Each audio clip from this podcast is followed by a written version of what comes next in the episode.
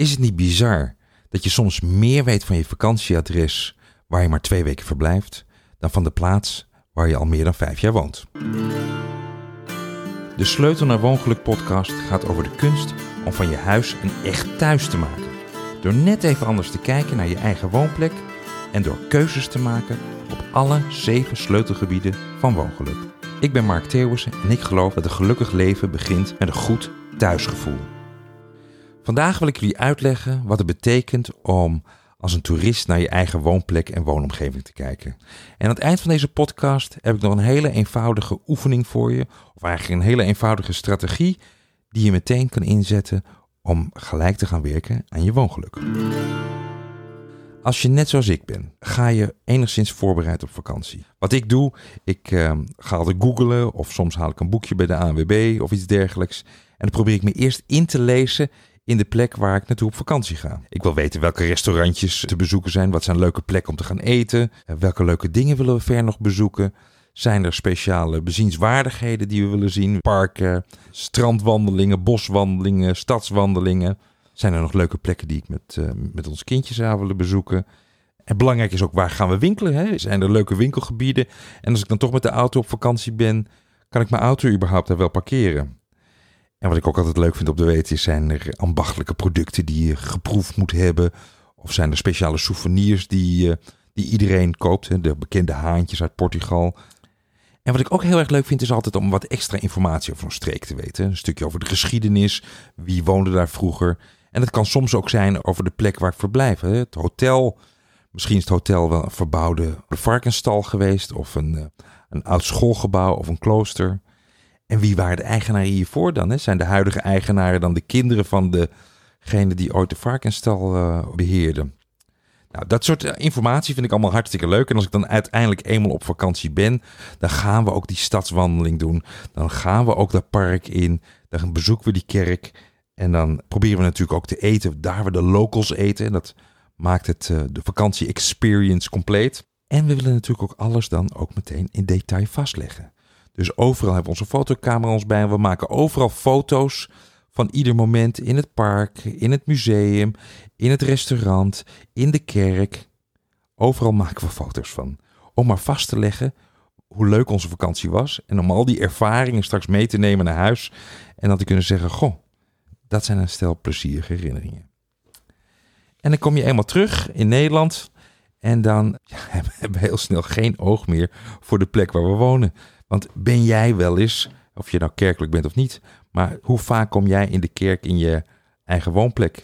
Of heb je wel eens meegedaan aan een stadswandeling of een dorpswandeling bij jou in de buurt? Wat weet jij eigenlijk over je eigen plek te vertellen? En is dan het gras altijd maar groener over de landsgrens? Nou, je kan jezelf dus inderdaad de vraag stellen van wat weet jij over je eigen woonplek te vertellen? Wat weet jij bijvoorbeeld over de geschiedenis van je straat? Of over het maatschappelijke leven in jouw woonplaats? Of zijn er bekende mensen die in jouw woonplaats uh, wonen? Of die daar gewoond hebben of die daar opgegroeid zijn? Wat kan jij dus echt vertellen over je eigen woonplek? Mensen maken nou eenmaal een soort emotionele verbinding met de plek waar ze wonen. We noemen dat wel hechting of met een Engels woord place attachment. En een term die je vaak tegenkomt is wat ze dan topophilia noemen. En topos is Latijn voor plaats of plek en filia wordt vertaald als liefde. En dan is topophilia eigenlijk een gevoel hebben om verbonden te zijn met de plek. Eigenlijk gek zijn op de plek waar je woont. En bepaalt dus eigenlijk de connectie tussen jou en de plek waar je leeft. En de vragen die je zelf zou kunnen stellen om te bepalen van hoe zit het met mijn eigen topophilia, met mijn eigen place attachment, met mijn hechting aan de plek waar ik woon, is bijvoorbeeld ken ik er veel mensen? Voel ik me thuis als ik de dorpsgrenzen binnenrij? Voel ik me verbonden met de gemeenschap?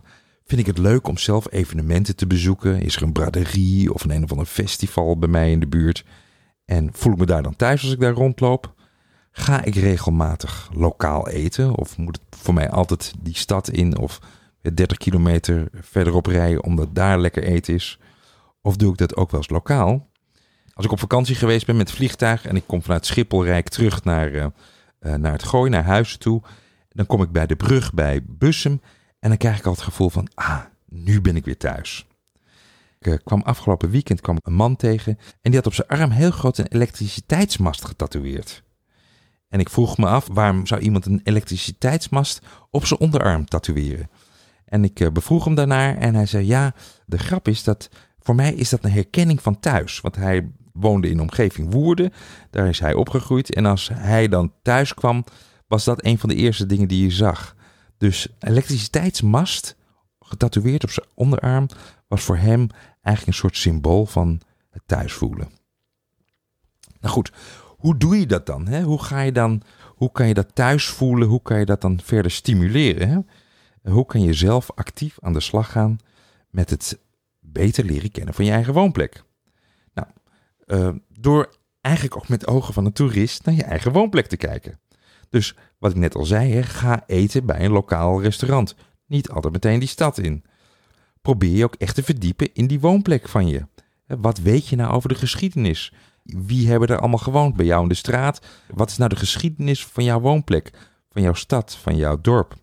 Ga lokaal boodschappen doen. En niet vanuit je laptop of vanuit je tablet alles maar online bestellen, maar ga ook die lokale winkels in.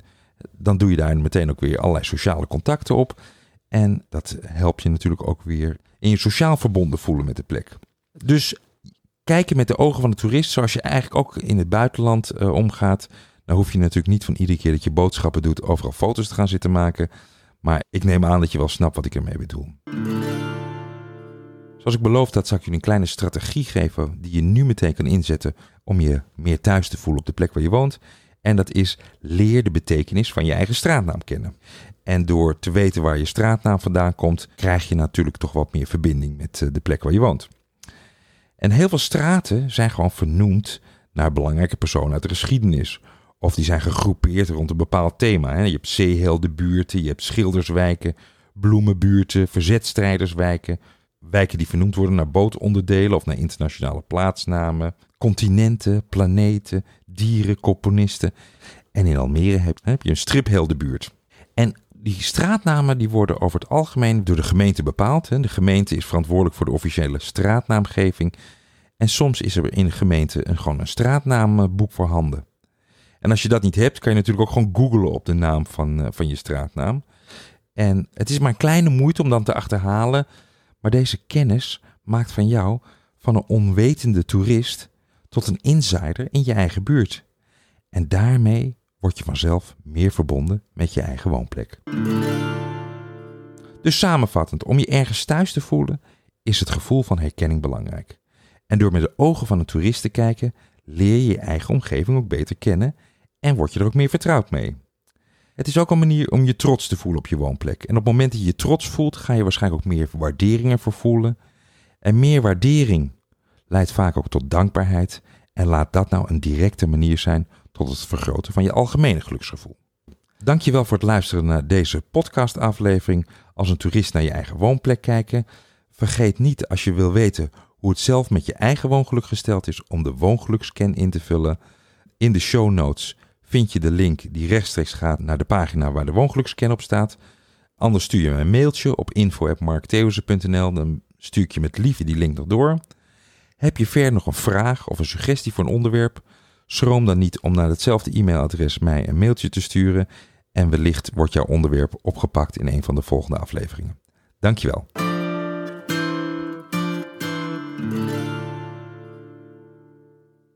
Nu de woningmarkt aan het kantelen is, is het tijd voor slimme verkopers om het heft weer in eigen hand te nemen.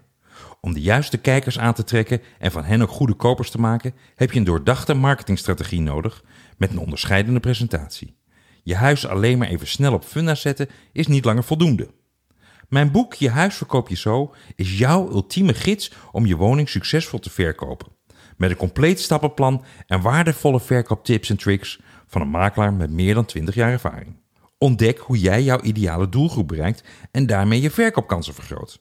Leer hoe je een juiste vraagprijs bepaalt, een emotionele klik creëert tussen potentiële kopers en je huis en hoe je professioneel onderhandelt. Als jij serieus aan de slag wil met de verkoop van je appartement of woonhuis, bestel dan nu je huisverkoop je zo via de link in de show notes en word baas over je eigen verkoopproces. Met succesvolle verkoop als het resultaat.